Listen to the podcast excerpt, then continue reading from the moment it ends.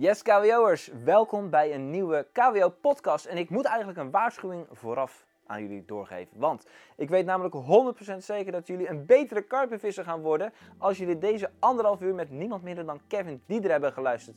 Ik heb hem hier namelijk op de bank gehad en we hebben het over een breed scala aan onderwerpen gehad. Van richts tot aas, van zijn grootste leerpunten van 2021 tot de plannen voor 2022. Over zijn baan bij Corda. Maar ook over de fouten die hij de afgelopen jaren heeft gemaakt. We hebben het over wintervissen gehad. Dus ook gewoon actuele zaken gaan we bespreken. Dus pakken wat te eten en te drinken bij. En dan zou ik zeggen, heel veel genieten geblazen maar met deze KWO podcast. Let's go!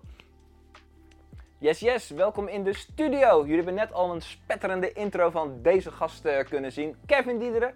Allereerst Kev, welkom. Fijn dat je er bent. En je bent er al een keer eerder geweest voor een podcast met onze Jos. Maar nu gaan we natuurlijk naar een volgende categorie. We gaan niet te veel terugblikken naar het verleden. We gaan vooral waarde pompen. En ik wil eigenlijk beginnen met een stelling bij je te droppen. En die stelling is: Kevin Diederen vist veel te weinig. Hij moet meer sporten zodat hij aan de Viking Run in Zwitserland kan deelnemen. Ik vis veel te weinig, ja. Ik vis te weinig, ik sport te weinig. Heel veel dingen doe ik te weinig. Maar er zitten maar zeven dagen in een week. Dat valt op zich nog wel Oh, mee. nou ja, op zich is dat uh, alvast, uh, alvast de goede. Um, ja, de, de, de tijd is een beetje schipperen met, met heel veel dingen. Ik denk Mhm. dat ik, uh, nou ik kan toch wel zeggen dat ik veel minder vis dan veel mensen denken. Um, het is met periodes. Ja, Ja, en ik denk dat 2022 dat ik met periodes wel eh, even gas aan ja, gas ga geven. Maar of het dan op dat moment vissen of, of sport is, ja, dat zal de tijd Ja, maar vertel eventjes, voordat we losbarsten over vissen. Je bent van plan om in Zwitserland een of andere zieke run te gaan doen. Ja, ik heb ehm, eigenlijk afgelopen jaar heb ik, eh, of 2021 heb ik voor het eerst een, een ultraloop gedaan hier in Nederland. Dus Mhm. eigenlijk eh, vlak, maar onverhard eh, terrein, eigenlijk offroad, 53 kilometer in totaal hard gelopen. Ben je gek joh? En dat heb ik gedaan om eigenlijk met name mentaal, eigenlijk nog meer dan fysiek uit te dagen van ja, wat als het moeilijk wordt, hoe ga ik daarmee Mhm. om? Ehm, die run, dat ging eigenlijk veel beter dan verwacht. En toen dacht ik van ja, als ik dit kan, wat kan ik dan nog meer? Ehm, en dan me ingeschreven om een ultraloop te gaan doen in de Zwitserse Alpen. Maar hij is met eh, hoogtemeters dus. Dus dat wordt echt eh, over de bergtoppen in de Alpen meters maken. Nou, hartstikke mooi. Ik, eh, ik hou heel erg van de Alpen. Dat zal mensen niet eh, verbazen. En ik ben natuurlijk met Ossie ben ik in Zwitserland geweest. Ja, het is echt een fantastisch mooie omgeving eh, om te vissen. En qua fysieke gezondheid, ja, hoe gaat het met je? Want je bent net eh, corona hersteld volgens mij. Ja, want we zouden hier twee weken geleden, Ja, ja, ja. geloof ik. Ja, twee weken geleden zouden we hier in de studio eigenlijk al samen zitten. Ehm, toen lag ik helaas thuis met, eh, met corona. Ondanks je vaccinaties gewoon er doorheen geboord. Twee vaccinaties gehad, topfit, maar toch, eh, ja, helaas. eh, het was erger dan een mannengriepje, moeilijk voor te stellen. Maar Ja, ja. ja, ja, thuis gezeten. Ehm, na tien dagen gelukkig weer naar buiten kunnen gaan. En ja, nu weer fit, fris en fruitig. Kijk, mooi. En dat is de, de grote vraag. Ik weet namelijk dat jouw vriendin, die zat in Valencia geloof ik. Tenerife. En vlak voordat zij terugkwam kreeg jij corona, mocht ze nog niet bij je zijn. Ja, ze, was, eh, ze zou eigenlijk een maand weggaan. Ze had twee keer verlengd met een weekje. En Ja. op dat moment was ze, ehm, ja, ze zou na zes en een halve week dan uiteindelijk thuiskomen. En twee dagen voordat ze naar huis zou vliegen, werd ik positief getest. dus in plaats van zes en een halve week, ja, het was niet slim in verband met de uitvaart en allemaal dat soort zaken, dat ze Mhm. naar huis zou komen. Dus zij heeft nog een weekje hotel en bij vrienden en dergelijke eraan vastgeplakt. Nou, maar dan was het wel vuurwerk toen ze eenmaal weer eh, naar binnen mocht. eh. Maar ik was nog niet heel fit. Ah, oké, oké. nou ja, dan, je kan ook niet alles hebben in het leven. Goed, laten we dan eh, naar, naar je werk gaan. Je bent vroeger, ja, na je middelbare school, volgens mij het leger ingegaan, militair Ja. geweest een aantal jaren. En op een duur rol je zo de karpenvisserij in. Kun je eens in twee minuten max vertellen hoe jouw levensloop is en waar je dan nu staat binnen je, de Oh. Ja, een hele rare manier waarop ik eigenlijk ehm, erin ben gerold. Ik eh, ging bij de landmacht op een gegeven moment weg omdat ik ja, steeds meer interesse had in fotografie. Ik deed heel Mhm. veel house, technofeesten, festivals, dat soort zaken fotograferen.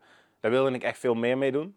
Ehm, dus ik ben met de landmacht eruit gegaan om echt te focussen op mijn fotografie. Ja. Alleen ja, ik ben eigenlijk vanwege mijn interesse ook in de karpenvisserij in contact gekomen met Corda en uiteindelijk bij hun loondienst gegaan. ja, want je deed eerst als freelance volgens mij fotograferen Ja. en toen ging Ernesto weg. Ja. Eh, Ik werd eigenlijk Corda op het moment dat ik bij de landmacht wegging, werd ik al gesponsord als visser. Want ik, ik publiceerde af en toe wat dingen in magazines. Mhm. Dat was eigenlijk toen de tijd het belangrijkste media ehm, op hengelsportgebied. En ehm, ik heb een jaar als freelance fotograaf gewerkt, allerlei dingen gedaan. En Nesto die werkte toen de tijd nog voor Corda. Die is toen weggegaan en toen heb ik eigenlijk het aanbod gekregen van, joh, zou je die rol over willen nemen? ja, en wat is het verschil met de job die je toen kreeg en wat je nu doet? Ehm, nou, als je gaat kijken, ik werk nu acht jaar inmiddels al voor Corda. Ik schrok laatst al toen ik dat zag. Even acht, acht en maar dat is tijd jaar. om de overstap te maken naar KWO. Wel gezellig hoor, hier Ja? op kantoor. Ja, Ja, toch, Wessel, ha- achter de camera. Hangt er vanaf taak de lunch met de broodjes. Oh ja, nou, de broodjes worden wel goed hè.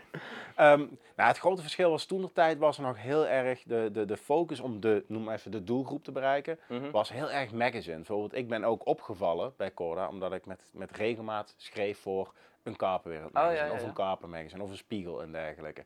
En je merkt dat Corda was toen al bezig met video, Mhm. Ehm, dus dat, dat was al bezig. Maar het is zo verschoven naar nou eigenlijk, ja, wat is het allerbelangrijkste om je doelgroep te bereiken? Dat is op het moment social media. Ja. En eigenlijk heel veel dingen die je doet, is gewoon op internet, YouTube. Ehm, jullie website is ook een goed voorbeeld. Ja, als je gaat kijken hoe dat gegroeid is. En ook mijn werk eerst was eh, met teamleden op pad gaan, foto's maken, artikelen schrijven en, en af en toe een video presenteren. Is is nou 99% video. volle bak video, social media. En je bent gewoon heel erg veel bezig met social media. Al is het maar zelfs heel eenvoudig berichtjes beantwoorden. Maar goed, uiteindelijk eh, ben jij eh, gegroeid ook naar een Europees manager op het gebied van marketing, als ik het goed heb. Nou, ik heb een post. ehm, in principe eerst was ik marketing en media editor in, Mhm. in Benelux. Dus ik ehm, ja, was dus bezig met alle marketing en mediazaken in Benelux. Daar hadden we toen de tijd Daniel Jewatnia als, eh, als cameraman voor mij en ook voor mijn Duitse collega.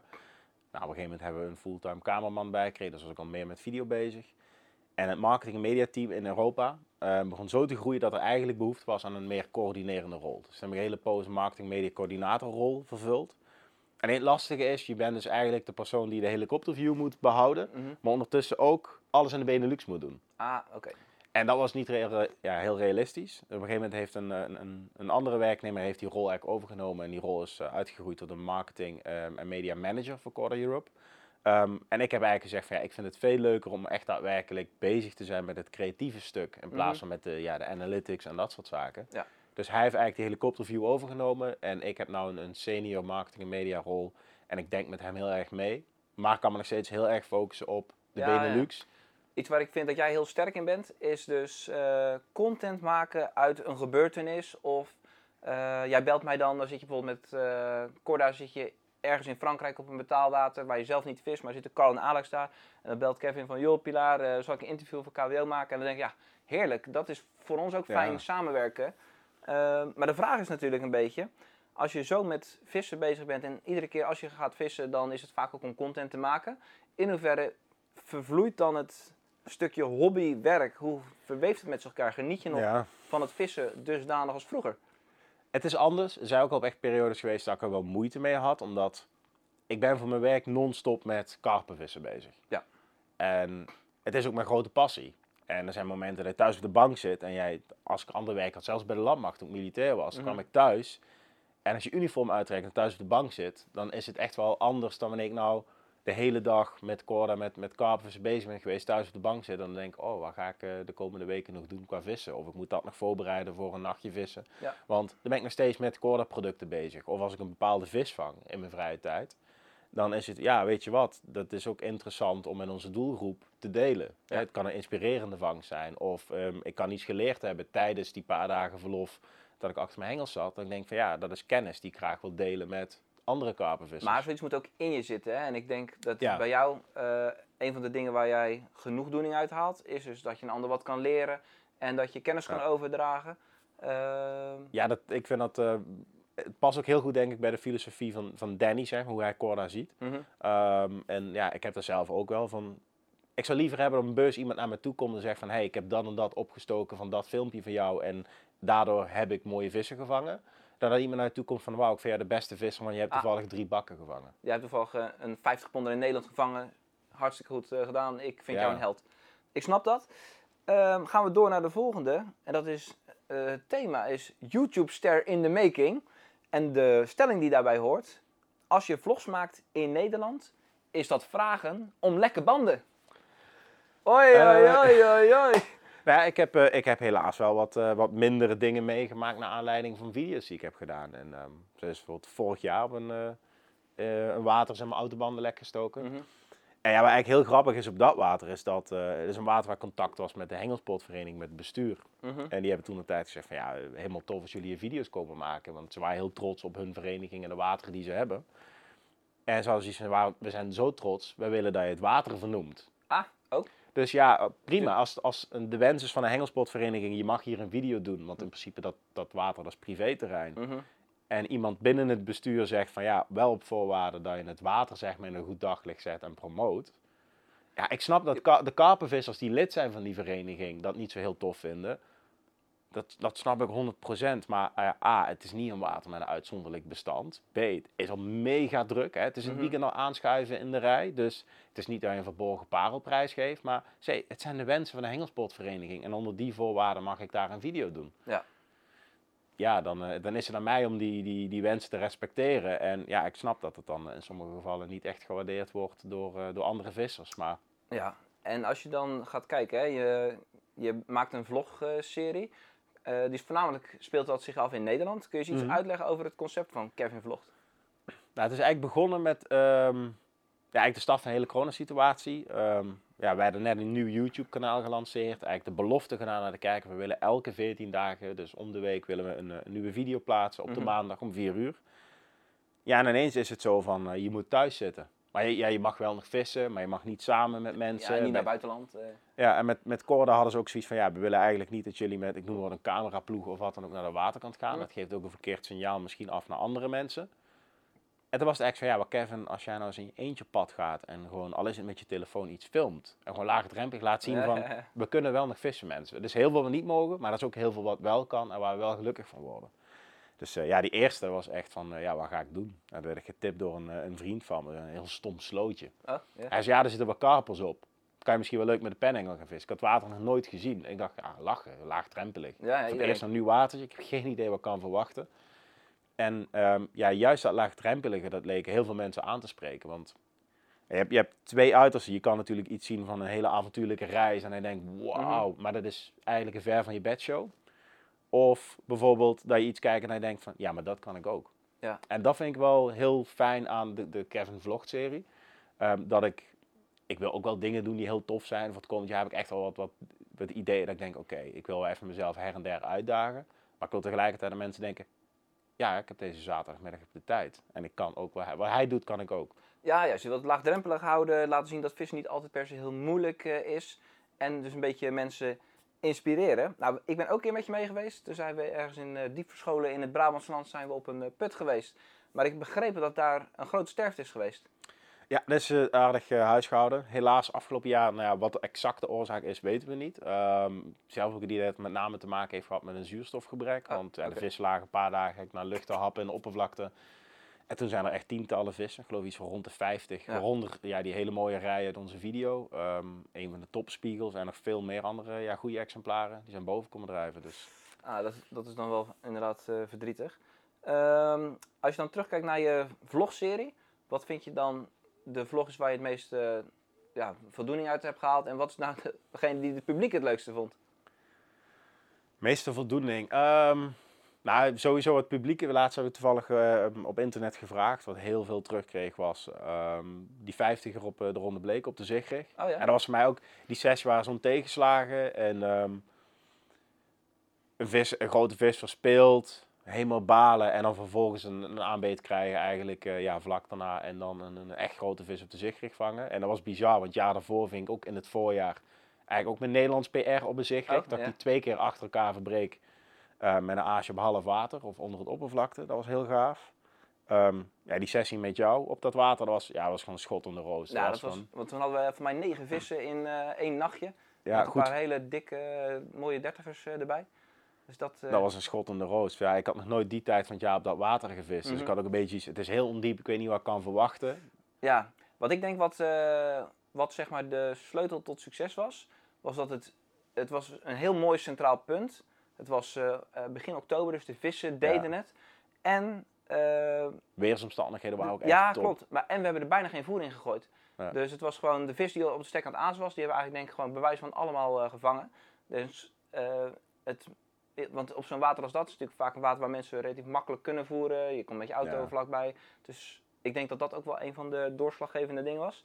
Maar als we dan gaan naar 2022, kun je ons een, twee dingen gaan vertellen. Wat ga je doen in voor Corda slash voor het YouTube kanaal wat eh, mensen kunnen verwachten? Ehm, nou, wat heel tof is, we hebben eigenlijk allemaal een beetje zo zitten kijken van welke jongens uit het Corda-team willen bijvoorbeeld eh, eh, video's doen. Mhm. Zijn geschikt om ook voor een camera neer te zetten en, en, en een vis vangen. Want wij kunnen niet met iemand twee weken op pad gaan voor een video en dat hij vervolgens helemaal niks vangt. En dat we eigenlijk heel veel tijd kwijt zijn, maar niet met een video thuiskomen. Het moet realistisch Ehm, en haalbaar doelen Maar we zijn dus echt ja, bezig ook met een paar nieuwe gezichten zeg maar, voor de camera. Dus dat is ook heel tof. Ehm, de Kevin Vlog serie gaat ook nog gewoon door. Mhm. Ehm, ja, en daar wil ik eigenlijk deels dat laagdrempelige nog steeds laten zien.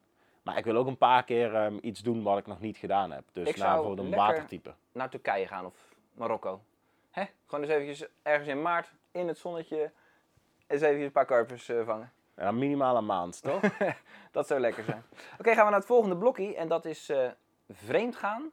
En terugblikken op 2021. Dan wil ik vooral in gaan steken op de dingen die je eh, geleerd hebt. Allereerst eh, vreemd gaan. Ja, we zitten nu in de winter. En dat is voor jou wel een periode dat je wel eens andere dingen doet. Eigenlijk de laatste paar jaar begint het meer en meer. ehm, ja, ik ben eigenlijk niet over Leanne en zo, hè? Maar Nee, nee, dat kan je beter niet op camera vastleggen. Nee, mag als je ik- zo in de pauze vertellen. als ik, eh, als ik zo kijk, eigenlijk mijn visserij, dan ben ik in de loop van de jaren echt wel ehm, altijd ja, met een, een beetje met een knipbox zitten kijken zo naar die, die Engelse specimen hunting. Mhm. Iets waar je eigenlijk in Nederland niet heel veel ziet. Je hebt Nee. wel vissers als een Arnoud de Lauw, Hans Molenaar en dergelijke, die echt met periodes op hele grote braasums, hele grote zilten, snoek. Barbelen, Ja. zilt. eh, want eigenlijk de, de, vissen, de vissoorten die ik jou heb zien vangen de afgelopen twee, drie jaar. is karper, snoek. Dan hebben we barbeel en zilt. Maar je hebt zelfs Nederlandse record zilt volgens mij eh 28 keer eh, verbroken. Of zie ik? Nee, de, helaas het, eh, het record zilt niet. Maar ik heb, in het verleden heb ik gevist een water dat toen de tijd eh, de bluesplas vaak werd genoemd in de karpwereld. Heb ik echt met mijn zilthengels Ja? ehm, achter de grote zilten aangezeten. Ehm, maar ja, echt grote zilten denk ik aan vis van minimaal 4, bijvoorbeeld 4,5 kilo plus. Ja. En in Nederland kan ik toch wel zeggen, zijn echt zeldzame vissen. Ik weet meer 60 ponders in Nederland te vinden dan zilten Van van 5 4,5 kilo. Ah, wauw. Dus dat, ja, dat geeft wel aan over hoe zeldzaam dergelijke vissen zijn. En dat bedoel ik ook 4,5 kilo door iemand netjes correct gewogen en niet een karpenvisser die een zilt vangt. Denk, ik, nou, die kan wel eens zo zwaar zijn. 8 kilo zijn. Oké, en als je dan, eh, je gaat nu zo meteen ging je snoekvissen, gaat het nog door? Ik ga, ja, niet vandaag, maar deze week ga ik. eh, ja, dat is een soort, daar heb ik helaas nog niet succes mee gehad. Maar dat begint ook steeds interessanter te worden. En hoe pak je dat dan aan? Is dat dan ook met voorvoeren of is het... eh, Nee, nou is het eh, eigenlijk, eh, ja, nu we nieuw water bezig. Dan is het echt statisch met dood aas. gewoon proberen?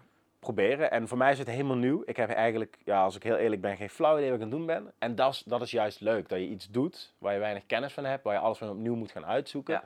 En dat je echt lekker die beginner bent. Die pep die aan de waterkant zit. Nou, dat is ook wel eens mooi. En ehm, wat heb je, wat, wat zou je kunnen zeggen, wat leerpunten zijn vanuit het barbelen, zilten, snoekvissen, waarvan je denkt, ah, daar heb ik misschien wat aan in mijn karpenvisserij.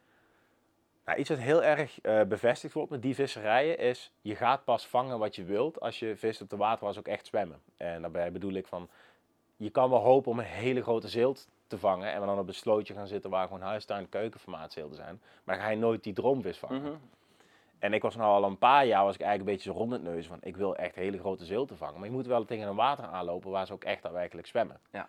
En met karpenvissen zie je ook dat mensen, er zijn best wel wat, wat mensen, bijvoorbeeld KWO community members, die heel graag eens een keer een echt grote bijzondere vis willen vangen. Veertiger willen vangen. Maar die gaan dan op een water waar eigenlijk misschien nog niet eens eentje zwemt. Of Ja. misschien eentje die op het juiste moment, als je op zijn absolute topgewicht zit. Ja, En dan- vissen in een, als, op zoeken naar een speld in een hooiberg. Maar als we dan teruggaan heel op tactisch vlak, hè, wat eh, heb je bijvoorbeeld iets geleerd omdat je met zilten heel veel aan het bijvoeren bent, dat je daar dan wat... eh, Ehm, ja, dat, dat ziltvissen, dat was wel heel mooi. Dat was echt verfijnd vissen met eh, klein aas, actief bijvoeren. En als je gaat kijken op wateren met een, een wat groter karperbestand, dan zijn dat wel echt dingen die je één op één zeg maar, bijna kan, kan meenemen. zilt is natuurlijk wel iets wat andere vis dan karper. Ik heb namelijk nog meer het idee dat zilt over het algemeen niet uit de weg gaat voor verstoring. Dus juist het opnieuw uitwerpen en dergelijke.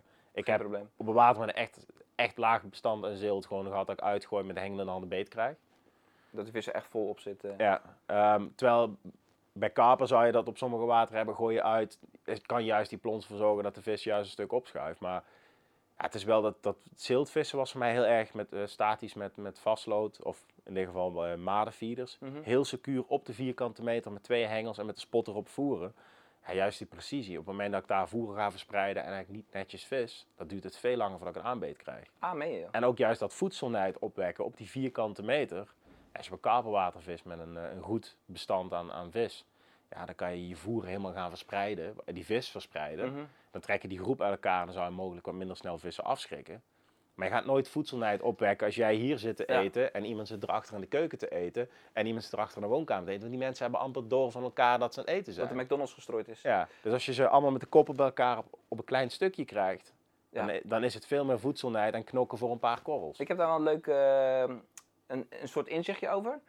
Eh Corda maakt natuurlijk ieder jaar met eh, Danny Fabres en eh Daryl Peck maken ze een video. Mhm. En wat interessant is, eh, een jaar of drie geleden waren ze op een water waar Mark en ik eh, ook ge- gevist hebben. En toen waren ze daar al vroeg in het jaar, volgens mij eind maart, begin april. Mhm. En toen viste Daryl op den duur met drie hengels. Viste die op, ik denk 15 meter. En dan deed Ja. hij daar heel compact voeren. Ik dacht, ja, wat een idioot. Waarom zou je dat nou doen? Waarom zou je nou zo compact eh, drie hengels bij elkaar leggen? Maar goed, gaandeweg de video bleek dus dat inderdaad zijn tactiek was. Van joh, ik heb daar een vis zien draaien in die regio. Ik kan één hengel op 2 meter vissen, eentje op eh 3,5 en er staat wat wier. eh, zodat het ook wel een soort van holding Mhm. zou kunnen zijn. Dus ik geef het daar gewoon met een kilootje aas compact, geef ik het gewoon een Ja. kans. En uiteindelijk ving die ook. Dus ja, dat zijn wel dingen die wel leuk is. ehm, wat, wat leuk is dat je dan toch wat leert van iemand die hetzelfde water bevist, maar het compleet anders doet. Ja, en het is ook een, een bepaalde gedachte. Laatst kreeg van iemand nog de vraag van, ik doe het zelf ook vaak, zo twee hengels of drie hengels, gewoon strak bij elkaar op dezelfde plek. Van ja, maar bijvoorbeeld lijndruk. Dan heb je drie lijnen dan aan lopen. Dan denk ik, ja, maar ik heb liever één baan van drie lijnen naar een bepaalde plek. Want dan heb je als het ware één brede lijn, zou je kunnen Stroken. zeggen. Dan dat je hier zit en een hengel daar plaatst, en een hengel daar plaatst, en een Mhm. hengel daar. En dat je dus daar, daar en daar lijnen hebt die Ah rondgaan. ja, een soort spinnenweb over Ja, de dan hele heb je een spinnenweb. En ook als ik weet dat ik die vis daar aan het azen kan krijgen, waarom zou ik de aandacht van een groep vissen in mijn sector verdelen over dat plekje, dat plekje en dat plekje? Maar het ligt misschien ook aan hoe lang je de tijd hebt om te gaan vissen. Als je Ja. twee dagen de tijd hebt, dan zou je misschien wat... Kijk, stel je echt op een, een kleiner bestand je vis van enkele aanbeet en de kans is groot dat je een vis vangt en de rest verstoor je, Mhm. dan kan het slimmer zijn om echt, noem maar, maar even, losse valletjes uit te zetten. En wat je bijvoorbeeld heel goed ziet met bijvoorbeeld zo'n Danny is er echt een kei in. Is echt een stek opbouwen tijdens een sessie van Ah, ja. meerdere dagen. En die vis op dat plekje aan het vreten krijgen. En dus ook bijvoorbeeld voer brengen, drie hengels erop. En als er een groep vis overheen komt, een vis eraf plukken. Die vis drillen, vangen, net. Hè. En dat dan bijvoorbeeld hengel 2 en soms zelfs hengel 3 ook nog gaan voordat je een hengel terug hebt geworpen. Ja. Of zelfs, nou, je hebt het vaak al meegemaakt op water, dat je bijvoorbeeld een kort aasmoment hebt in de, de vroege ochtend. Mhm. Dan vang je een vis, dan is je hengel van het plekje af. Maar je wil die hengel terug hebben op die plek. Maar tegelijkertijd is ja, als je hem teruglegt met een boot of voerbootje of gooiend, Ja. verstoor je het weer. Is het natuurlijk lastig... eh, Stel je op dat plekje drie hengels op scherp hebt liggen op een bult voer en je vangt een vis ervan af en je zet die hengel tegen je tent. dan Kan het zomaar zijn dat er nog een groepje vis nog steeds in het vreten is en dan nog twee rechts op scherp liggen. Ja, daar vind ik wel, ben ik wel benieuwd. Eh, eigenlijk zou ik dit, wilde ik dit later in de video, eh, in, de, in het interview vragen. Maar ehm, hoe denk jij over lijndruk? Er zijn natuurlijk onderwaterfilms dat je een vis op zijn gemakje ziet zwemmen, een lijn ziet raken, pats, en hij is weg. Maar ik heb wel het idee dat hoe meer crazy ze zijn doordat er compact aas gevoerd is, hoe minder ze dus bezig zijn met lijndruk en eh, dat ze gewoon Ja. minder snel schrikken. Ik vond het interessant, dit najaar was ik op eh, Gigantica Complex. Zelf, zelf eigenlijk niet gevist. Ehm, echt daar om een paar dagen dus content te maken. En het mooie is, je kan dan echt rondlopen, je ziet iedereen vissen. Mhm. En je kan het eigenlijk zo'n beetje zo, zo van afstandje bekijken. En daar met Danny ook over gehad. En Danny vist op, op Gigantica met snaarstrakke lijnen. Hm. En feit is, die vissen die staan daar non-stop onder hengeldruk. Maar waarom, waarom vist hij snaar strak? Nou, bijvoorbeeld, hij, de vissen daar, die komen toch al niet op voerplekken zonder dat er lijnen lopen. Die vissen weten, die staan al op scherp als ze op een voerstek komen. En het is ook wel zo, die vissen die zijn daar niet groot geworden van het sabbelen op een kiezelsteentje. Dat komt, ja, dat komt gewoon door voer. Ja, bolies, bolies, bolies, bolies. Boilies, boilies, boilies, eh, een beetje particles en nog eens boilies. Dus die vissen die, die vreten toch al op die voerstek. Maar wat op Gigantica vaak gebeurt, is loopt mensen met een loodclip systeem en hele slappe lijnen. Die hebben dan eens een keer een piepje gehad en die draaien 's ochtends een hengel binnen en dan blijkt een lood gewoon van de loodclip af te zijn. Ja, dus dat Zonder dat ze een run hebben gehad. Want die vis heeft met de kop geschud, lood is er van afgevallen, rig is uit de bek gevlogen en that's it. Ze hebben het niet door. Ja, Dus- dus soms is kiezen uit, uit twee dingen. Of eh, scherp vissen, strakke lijnen, misschien iets meer vis verstoren, maar Ja. wel alles meekrijgen. Of slappe lijnen en hopen maar dat Ja. er wat gebeurt. Ja, en bijvoorbeeld daar dan is het, hè, het stukje beetindicatie met een strakke lijn wordt wat beter. Ehm, daarnaast ook, als je alles onder spanning zet, Mhm. dan zal die spanning, die druk ook helpen dat als een vis er vandoor gaat, om te zorgen dat er volle bak druk op die haakpunt komt van een wegsputende vis. Dus het staat allemaal veel meer op scherp. Ehm, en iets wat bijvoorbeeld ook veel van die jongens daar doen, is tegenwoordig vissen met eh, ja, een soort running loodsystemen. Dus op het moment dat die vis met de kop schudt en dat lood schuift een stukje weg, maar alles staat toch onder een bepaalde spanning. Ja, En- misschien minder lossers, eh, doordat er gewoon altijd goed druk Ja. op de haak staat. Dus die vis die zal wellicht meer die lijn spotten als ze op een stek komen. Ja. Maar op het moment dat ze op die stek aan het vreten zijn en het eenmaal accepteren, dan zou het mogelijk in een voordeel werken. Maar Kevin, je bent natuurlijk nu een mooie verhalen aan het vertellen. Maar als ik jouw eh, artikelen terughaal, dan zie, zie ik altijd van die foto's. Dat jij van die met zo'n mooi zonsondergangetje, dan zie je zo twee van die hengels, eh, hengels buiten het riet steken. En dan zie ik vaak die lijn van jou best wel Ja. naar beneden lopen. Ja, ik vis zelf wel op, op ja, met name op korte, middellange afstanden. Graag slap. Vis ik slap. Ehm, ik ben ook echt een enorm fan van eh fluorocarbonlijnen. Mhm. Maar dat gooit go- voor geen meter natuurlijk. Of zeg Ja, het, het gooit minder goed. Ehm, ik kan zelf, als ik gewoon mijn 12 voet hengels pak tot zeg maar 80 meter, kan, eh, kan ik echt comfortabel vissen met een, een fluorocarbonlijn. Kijk, ga ik verder, dan wil ik eigenlijk niet een fluorocarbonlijn, want het zinkt gewoon echt als een baksteen. Ik Het heb, is gewoon te zwaar soms. Ik heb gehad dat ik op water dat ik eh 40 meter uit de kant een grindplaatje had, terwijl ik op 90 meter afstand viste. Mhm. En die lijn schuurde over het grindplaatje. Nou, dat zegt al genoeg over hoe die lijn dan afzinkt. Ja. Ehm, ja, zelf, kijk, op heel veel water ben ik wel echt een liefhebber van mijn lijn laten afzinken en proberen uit de weg te houden van die vis. Ga je op wat grotere afstand vissen, maar ook nog eens drie hengels op een klein plekje, dan wordt het wel weer een lastige, want dan wil je ook weer die lijn eigenlijk iets wat hoger uit het water hebben. Dat als je een vis drilt, Ja. dat je die onder de andere lijnen door kan halen op het eind en dat soort zaken. Kijk, het is niet om reclame te maken, maar ik denk dat heel veel mensen die nu kijken wel benieuwd zijn naar als je fluorocarbon gebruikt, wat pak je dan? En wat eh, als product en wat pak je als eh, je met nylon vist? Nou, als ik kijk naar de lijnen die ik, eh, die ik zelf inzet, ik heb drie lijnen eigenlijk die ik met regelmaat gebruik in mijn visserij. En als ik echt kritisch naar kijk, zou ik eigenlijk een twee voldoende hebben. Mhm. Ik gebruik namelijk op mijn korte tot middellange afstand op stilstaande wateren waar ik ehm, mijn lijn goed kan laten afzinken of waar ik die wil laten afzinken, gebruik ik vrijwel altijd een, een fluorocarbonlijn, contour. Welke di- diameter? Eh 12 pond en dat is 32 of 33 Ah, honderdste. dat is best wel dun. Ja, dat is best dun. Ehm mooie is echter zo, fluorocarbon is harder materiaal dan nylon. En ik Ja. heb gemerkt dat qua schuurbestendigheid en ook duurzaamheid van de lijn wint het echt van nylon. Ehm nylon vis ik over het algemeen een half jaar, maximaal een jaar mee. Ah, zo. Ehm, maar en dan, jij werkt natuurlijk veel. Ja, en ook sowieso, nylonlijn leidt heel veel onder ehm, zonlicht ehm, en gewoon gebruik aan de waterkant. En het- is je Zelfs dun, Corda-lijn heeft daar last van? elke lijn.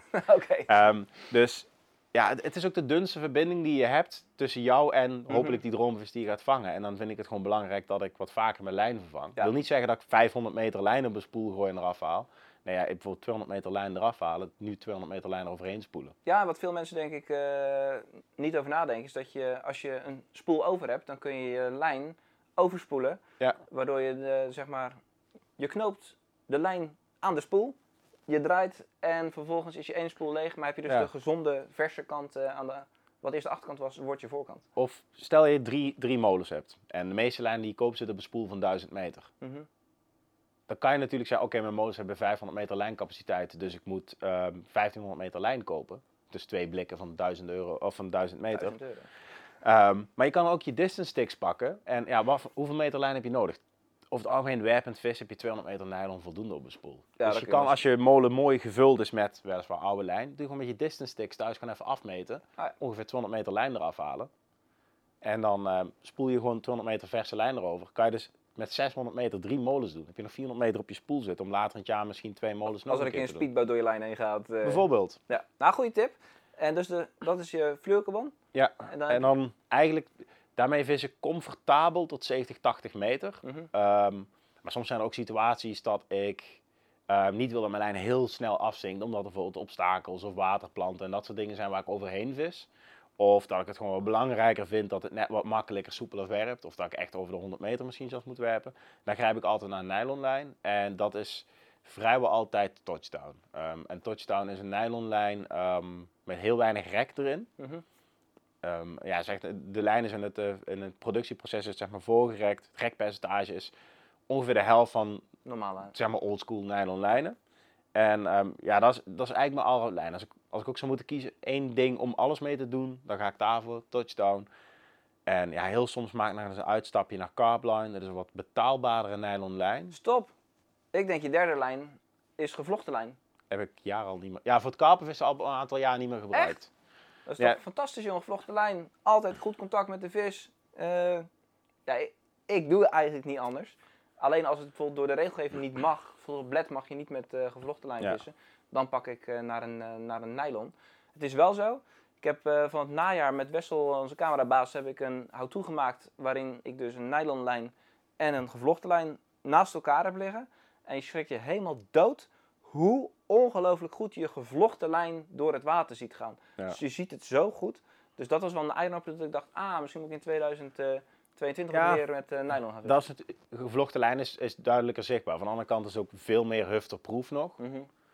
Ehm, maar ja, mijn is over het algemeen werpend. Op afstanden tot zeg maar 100 meter. Soms ga ik net over die 100 meter. Ja, dan ga je met lijn niet redden natuurlijk. En dan, ehm, ja, nylon heeft me daarbij nog niet vaak in de steek gelaten. Mhm. En ja, van die, van die kleine dingetjes, als ik aan het drillen ben met bijvoorbeeld hengels op een wat kleiner oppervlakte bij elkaar. Als een, een, een gladde nylonlijn tijdens de drill langs een andere gladde nylonlijn gaat, is de kans dat ik die lijn oppik of versleep Minder. veel minder Ja. groot dan ehm, twee ruwe gevlochten lijnen die veel makkelijker in elkaar klitten. En kijk, stel dat ik nou bij water ga vissen waar ik echt verder moet gaan uitvaren, 150 meter plus 200 meter of ja, de sky is the limit zeg maar. Ja. Dan zou ik echt naar een gevlochten lijn zoeken. Of als ik echt heel secuur kleine schone plekjes tussen het wier, dan is een, een gevlochten lijn met 0% rek nog fijner. lekker. Ja, klopt. Ik heb afgelopen najaar, eh, of tenminste afgelopen anderhalf jaar, heb ik best wel veel op de Belgische rivieren gevist. Met gevlochten lijn, met een voorslag. Maar ik merkte wel dat een gevlochten lijn dus echt een stuk ruwer is, waardoor je meer stroming oppakt. Ja. Ehm, en dat was wel een flink nadeel. Dus op de duur dacht ik, oké, nu stroomt het te hard. Misschien dat ik nu met bijvoorbeeld va- 40, 45 honderdste nylon, Ja. had ik het wel gered om in de vaargul te kunnen vissen. Maar goed, Kevin, we zitten bij het blokje vreemdgaan andere vissoorten, terugblik op 2021. En, En we, we, zit- hebben nu we al hebben het over lijn. Laten we even teruggaan naar eh, de kern. 2021, je hebt een goed jaar gehad. Ik heb veel eh, Ja. mooie vissen voorbij zien komen. Maar ik wil eigenlijk niet al die vangsten na. Ik wil eigenlijk vragen of je van de drie watertypen waar je het meest intensief gevist hebt, of je daar dan een leerpunt wil noemen van, ah, dat heeft mij geholpen op bijvoorbeeld dat dressuurwater of dat, die zandput. Dus eh, brand maar eens even los. Ehm, nou, iets wat ik 21 heel erg heb gedaan is, ik heb mijn jaar in hoofdstukken opgedeeld. Dus ik ben niet iemand die zegt, ik heb een targetvis, ik ga in januari achter die targetvis aan en ik vis tot, Tot ik hem heb. totdat ik hem heb. Dus het is veel meer van, ehm, ik kijk, wat zijn mijn mogelijkheden? Bijvoorbeeld, ik ben volle bak aan het trainen voor een hardloop-evenement. Daar kan ik gewoon minder vissen. Dan, dan ben ik ook zo realistisch om iets te pakken wat past binnen die paar uurtjes wat Mhm. ik heb. Of waar ik zin in heb. En dus ik ben in het voorjaar ben ik begonnen eigenlijk op een, eh, een klein riviertje. Eigenlijk veel te ver van huis. Geen hele grote vissen, wel hele mooie stok oude vissen zwemmen er. Hele mooie omgeving. Ehm, getipt eigenlijk door een, door een maatje over dat water. En eh, ik dacht, weet je wat, het is lekker. Toen ben ik eind februari eigenlijk al begonnen. Heel klein beetje voeren. Mhm. Maar het was stromend water, die vissen zijn in beweging. Ik wist waar die vissen ongeveer zouden moeten uithangen. Dat ben ik mondjesmaat een beetje voer gaan brengen. En dan heb ik eigenlijk tot eind maart, begin april, heb ik daar lekker mijn eigen ding kunnen doen. Maar wat is dan je leerpunt? Nou, mijn leerpunt was dat eind maart was het echt wel merkbaar. Ineens ging ik, ging ik voeren en dan lag er een boilie in het gras die een andere kleur had dan wat ik aan het voeren was. en ik dacht, gewoon, ik let al heel erg op wat ik aan het voeren ben. En dat ik niet zeg maar iets achterlaat wat mogelijk andere mensen kan attenderen van hé, er is iemand bezig. Dus dat was van oké, ik heb het niet voor mezelf alleen. En mijn eerste reflex is ja, dus eigenlijk gewoon helemaal K. Van, ik ben hier al weken bezig, ik vang mooie vissen, ik ben hier aan het genieten. Maar ja, van de andere kant ook, het is niet mijn plek omdat ik er een paar weken voer in gooi. En dat is voor mij wel een soort van leerpuntje van, realistisch gezien, ik heb in Nederland nou al vier weken lang gewoon lekker mijn ding kunnen doen. Van niemand last gehad, maar accepteer nou gewoon dat je niet de enige bent dat het moet delen. En ja, een van de volgende sessies ben ik mijn hengels uit aan het leggen. Komt er een jongen aanlopen met een waterpak, een emmertje en een schep. En die is verbaasd van, hé, hey, er zit zit iemand iemand. op mijn voerstek. Oh, ja. Ik heb mijn reactie had kunnen zijn van, eh, ja, eh, jij bent op mijn stek bezig, ik ben er al vier weken aan het vissen. En maar zo'n leerpuntje van, weet je wat, het, is, het draait niet alleen maar om mij. Dus ik heb op dat moment gezegd, weet je wat, ik heb hier vier leuke weken gehad. Ik heb hem succes gewenst. Ik zei, ik vis deze nacht nog uit, ik laat je wel weten Ah, wat ik, eh, wat ik vang. En veel plezier ermee dit voorjaar. Ik heb vier weken naar mijn zin gehad. Ja, Hij kan lekker een paar weken Als je zijn ding joh, doen. vis stop met hoofdstukjes, dan is het ook wel weer een mooi moment om weer wat anders te gaan. Ja, dus ik heb toen eigenlijk een paar weken een soort van pauze gehad. En toen ben ik dan, of ja, twee weken of zo even gas teruggenomen. En toen ben ik begonnen met mijn volgende vo- hoofdstuk. En dan was echt zo van, hey, kan je daarover lopen er ergere eigenlijk, maar er zijn zoveel, met name in Nederland, België zal het ook niet heel veel anders zijn. Er zijn zoveel vissers, hou dan gewoon even rekening met elkaar. Mhm. En het, ik hoef niet allemaal te vangen. Als ik mijn portie kan vangen Ben je tevreden? en dan ehm, andere mensen ook plezier kan, eh, kan gunnen, dan, dan vind ik dat veel belangrijker. Nou, ik denk dat het ook een beetje in je zit. Kijk, je video's zijn natuurlijk ook zo van, oké jongens, ik vis. eh, kijk, ik weet een beetje hoe dat gaat. Je vist drie sessies, heb je genoeg voor een vlog, gaat naar de editor. Vier weken later is die video klaar. Maar dan weet je dus ook van, ja, als die video live gaat, dan is Ja. dat stekje waar jij gefilmd hebt, kun je het wel vergeten dat je daar natuurlijk nog eh, kan zitten. Ja, en ik, ik ben natuurlijk ook wel zo slim dat als ik ergens met mijn privévisserij echt volle bak bezig ben, dat probeer ik natuurlijk wel op Ik stil te houden. eh, Privévisserij, eh, bijvoorbeeld mijn vlogs, dat is niet een, een daadwerkelijk beeld van wat ik zelf doe als de camera's uit zijn. Hè, ik maak gebruik van dezelfde materialen en dat soort dingen, maar het is niet dat dat de enige wateren zijn waar ik vis. Dus er zijn ook dingen die ik bewust uit de picture hou. Maar Ehm, laten we doorgaan naar het eh, tweede leerpunt, afhankelijk van het water wat je bevist. Ja, dat, eh, ehm, nou, een paar jaar vis ik op een, een super zwaar bevist verenigingswater. Echt, Echt dressuur, dressuur. Ja, de, het extreme is, je moet niet raar opkijken als je in het weekend op 2,5 hectare met 10 man s'nachts vis. En dat er overdag nog eens 20 vaste stokvissers bij komen zitten. Wel gezellig. En heel eerlijk, ik heb met periodes echt een absolute hekel aan het water. Ik kan ook niet voorstellen dat ik er elke week het hele jaar door zou vissen. Mhm. Maar er zitten vissen die het voor mij wel echt een hoop goed maken. En ehm, een van de vissen, ik ben eigenlijk begonnen toen met vissen. ehm, vanwege twee grote schubs die erop zaten. Eentje net geen 20 kilo en eh, de andere was over de 20 kilo op dat moment. Alle Ja, twee voor die- Nederlandse vissen echt heel Ja. groot natuurlijk. De eerste sessie had ik toen de tijd al die eerste, eerste schub. Daar heb ik bizar geluk mee gehad. In de loop van de tijd heb ik een aantal andere topvissen gevangen tot net geen 50 pond. Ehm, maar ja, die andere schub, wat notabene eigenlijk een van de wat makkelijkere topvissen van het water is. Ja, die kwam er niet op de kant. Jij vist ook altijd maar met shotrigs, joh. Je moet gewoon eens een keer gewoon eh, voeren. Nee, dat was eigenlijk mijn, mijn inzicht. Van, ik viste er wel op een bepaalde manier, maar er waren vissers waarvan het mij opviel dat zij relatief vaak die vis vingen. Mhm. Er waren dus jongens bij die er al jaren komen en die bijvoorbeeld nog een paar andere vissen uit het bestand missen. En die vingen dan elk jaar hadden ze die vis. Toen ben ik op een gegeven moment ook al gaan kijken van oké, maar Hoe? ik vind het wel, hoe, hoe vangen zij die vis? En hoe kan het zijn dat ik die vis nog niet heb gevangen? En het kan, het kan echt toeval zijn. Tuurlijk. Maar als het met enige regelmaat gebeurt bij bepaalde vissers, hebben die echt niet elke keer geluk. En heel eerlijk gezegd, ik geloof ook niet zozeer in geluk in het vissen. Dus toen op een gegeven moment had ik wel door van, ik moet eigenlijk gewoon eens een keer gewoon lomper voeren en vissen. Mhm. Maar water is wel zo druk dat je het niet kan maken om daar te gaan voorvoeren. De kans dat je überhaupt diezelfde stek meerdere keren kan bevissen is klein. Nou, dit jaar had ik het geluk eigenlijk dat de vissen daar eh, zelfs al voor de paai terug waren gevallen in gewicht. Mhm. Ehm, ik was net klaar met een ander hoofdstukje in mijn visserij, die hele grote zeelte. Dus ik dacht, nou, nu ga ik hier aan de slag. En de vissen paaiden af. En ehm, de vissen die al laag op gewicht zaten, die, die waren enorm ingekakt. Eh, ik ving een vis bijvoorbeeld net na de paai. Die was voor de paai 19 kilo en een beetje. En ik ving hem op 15 kilo en een beetje. Zo, echt en eh, helemaal in. eh, als je de vissen naast elkaar ziet, je herkent hem zelfs niet. Maar het was me opgevallen, die, die topschub, die heb ik eigenlijk de jaren daarvoor heb nooit foto's gezien dat die na de paai echt leeg was. Ik dacht, nou, dat zou een mannetje kunnen zijn. Dus dat is het moment eigenlijk als dan iedereen wegblijft omdat heel veel vissen leeg zijn, om even daar gas te geven. Nou, dan heb ik echt een, eh, een anderhalve week echt fanatiek gevist. En heb ik het geluk gehad dat ik vrijwel elke keer op dezelfde stek terecht kon. En eigenlijk instant vissend, flink voer brengen. En dan als je een dag later of twee dagen later terugkomt, gewoon hopen dat die plek vrij is en dat je weer daar kan zitten. En dan Maar- maar hopen dat die vis op dat voer komt. De vraag is natuurlijk, flink voer brengen kan voor eh, jou 10 kilo zijn, maar het kan ook 2 kilo zijn. Het ligt natuurlijk een beetje aan... Ja. Ehm, het, ik weet nog eens het weekend dat Oranje speelde. Ehm, dat weekend ben ik er eigenlijk weer begonnen, eh, heb ik er twee nachten gezeten, van vrijdag tot, eh, tot zondagochtend. Twee of drie vissen gevangen toen. En dat was gewoon aankomen, twee hengels, anderhalve kilo voer erop en gewoon wachten. Ja, oké. dus En dat is voor zo'n-. Het is niet extreem veel, maar dat zorgt op zo'n watertje wel al voor wat gezichten van wat doe jij nou? Ah, ja, als mensen gewend zijn om 10 boilies bij te voeren of een Ja, single eh, Ronnie naar de horizon te slingeren, is dit wel even... met name op zo'n verenigingswatertje, dan, eh, ja, dan krijg je toch wel wat vreemde blikken. Maar goed, ik ving vis. Toen ben ik eh zondags naar huis gegaan, s'avonds speelde Oranje, ben ik teruggegaan. Want jij gaat geen voetbal kijken. Ja, dat was een mooi moment. Ik, geef minder, ik, ge- ik heb liever een water dat ik volledig voor mezelf heb.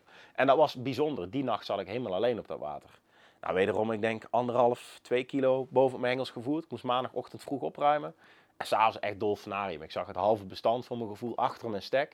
Ik zag twee keer een hele grote hoge schub erachter. Ja, er zitten twee grote hoge schubs. Eentje heb ik al meerdere keren gevangen. Die andere is de vis.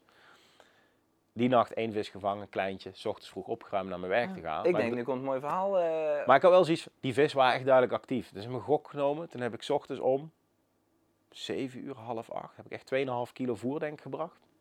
En op dat moment, ik begon ook last te krijgen van kuifeentjes op die stek. Nou ja, interessant. Kom dus, einde van die maandag kom ik terug. Ik denk om 6 uur dat ik mijn hengels weer, 6 uur, half 7 mijn hengels weer in had liggen. En ik gooi een paar handjes maar per hengel. Want ik wist niet wat was gebeurd met het voer van die ochtend. Nou, de kuifeentjes doken gelijk bovenop die hengels waar ik net een paar handjes voer heb gegooid. Dus je niet dat- op die strook Maar dan weet je dat het voer weg is. dan weet je dat het voer weg is. Want anders waren die kuif eindje- kuifeentjes wel verspreid aan het kijken. Ja. Ik zag ook het vissen zo onder het oppervlakte in die zone eigenlijk heen en weer cruisen. Ja, s'avonds krijg je ineens vier aanbeten in een uur tijd, waaronder die topschub. Ah, wow. En dat was wel echt zo, denk ik, heel veel mensen, ja, het kan toeval zijn, het kan geluk zijn. Maar dat, ja, het was wel een beetje, ik had verwacht dat als ik daar een aantal dagen zwaar zou voeren, Ja, dat in ieder geval de kans groot zou, hebben, of groot zou zijn dat hij erop zou komen. En ja, die nacht pak ik hem en dan, ja, mooi, s ochtends vroeg krijg ik nog een aanbeet, pak ook nog die andere vis erbij, die andere schub. Ah, meen je? Maar dat was ja, inmiddels al de vijfde keer dat ik die vis ving, Ja, dus die heb ik iets onthaken Oké, we bewaren die derde anekdote voor zometeen. Want we gaan nu door naar het eh, kopje visveiligheid. Dat is natuurlijk een thema wat, eh, Mhm. waarvan heel veel gezegd wordt, dat wordt veel besproken, maar misschien eigenlijk soms nog wel eh, te weinig. En de stelling die ik daarbij heb, ja, dat is een pikante. Wartellood ledclip systemen zouden verboden moeten worden. Absoluut me, niet mee eens. Niet mee eens. Nee, ehm, kijk, er zijn allemaal verschillende loodsystemen die gebruikt kunnen worden. En ehm, alles heeft zijn voor- en nadeel, laat ik het zo zeggen. Mhm. Als je gaat kijken wat is het absoluut meest visveilige, dan zou je kunnen zeggen gewoon niet vissen. Maar we, we gaan vissen, we zijn karpenvissers, we trekken een haak in die vis. En dan denk ik het absoluut allerbelangrijkste is op dat moment dat je die vis niet verspeelt door lijnbreuk. Ja. Dus dan zou ik denken, onder andere ehm, gebruik van alcohol aan de waterkant. Hoeveel mensen zie ik wel niet met een paar drankjes te veel op in een dichtgerits, eh, dichtgeritse tent op stekken waar je toch echt wel een risico neemt. Mhm. Of hoe verantwoord is het eigenlijk om op 400 meter afstand een hengel te droppen? Wat Klopt. ligt er allemaal onder water? Maar dan ga je verder kijken. Eh, Ik gebruik een, een zo dik mogelijke hoofdlijn eigenlijk als waarmee ik weg kan komen om lijnbreuk eh, te voorkomen. Maar ook als je lijnbreuk krijgt, iets wat helemaal hot is nou, zijn systemen waarbij de lijn op wat voor manier dan ook door het loodsysteem komt en dat die vis alleen de onderlijn overhoudt. Mhm. Dat is een heel nobel principe natuurlijk. Ja, nobel principe. En ben ik het 100% mee eens dat als je dat kan hebben, die situatie, ja, dat, dat is goud. Alleen de afgelopen jaren heb ik vaker gehad dat ik tijdens de drill bijvoorbeeld troep op mijn lijn had, zoals wier, draadalg, dat soort Mhm. zaken. Dat ik tijdens een drill mijn hengel neer moet leggen om een topoog vrij te maken, omdat mijn lijn gewoon vastloopt in een ja, toch groot oog.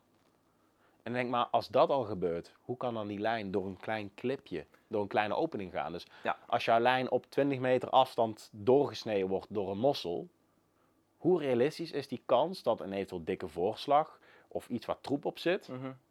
dat dat daardoor heen kan? Klopt.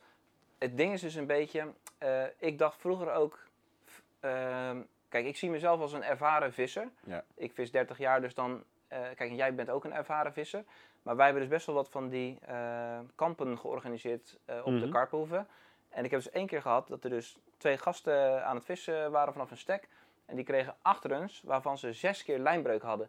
Maar dat was dus met een vis, eh, gewoon met een ledclip systeem die aan de hoofdlijn vastgebonden zit met het lood relatief hard eh, eraan, met de onderlijn aan de ledclip vast. En toen dacht ik echt, ja, eigenlijk moeten dit soort mensen in bescherming genomen worden tegen zichzelf. Dat het bewijs van niet meer verkocht wordt. Want ook al heb je die systemen waarbij eh, het, het lijn door de ledclip gaat, waardoor de Mhm. onderlijn niet vastzit aan de hoofdlijn, dat is eigenlijk de, de crew. Ja. Tuurlijk zal die af en toe vastlopen. Maar ik vind het soms bijzonder dat niet alle fabrikanten er een thema van, van maken. Om daar echt nou eens eh, een goed systeem voor te verzinnen. Want eigenlijk zijn er twee, drie, vier eh, systemen eh, die zeg maar de functie hebben. Kijk, een helikoptersysteem is in mijn beleving dan het meest Meest Veilige. ja. eh, terwijl ik dan vaak denk, ja, waarom zouden de grote fabrikanten, een, een Corda, een Fox, een, een Nash, waarom zouden die zo weinig dan focussen op het eh, promoten van het helikoptersysteem?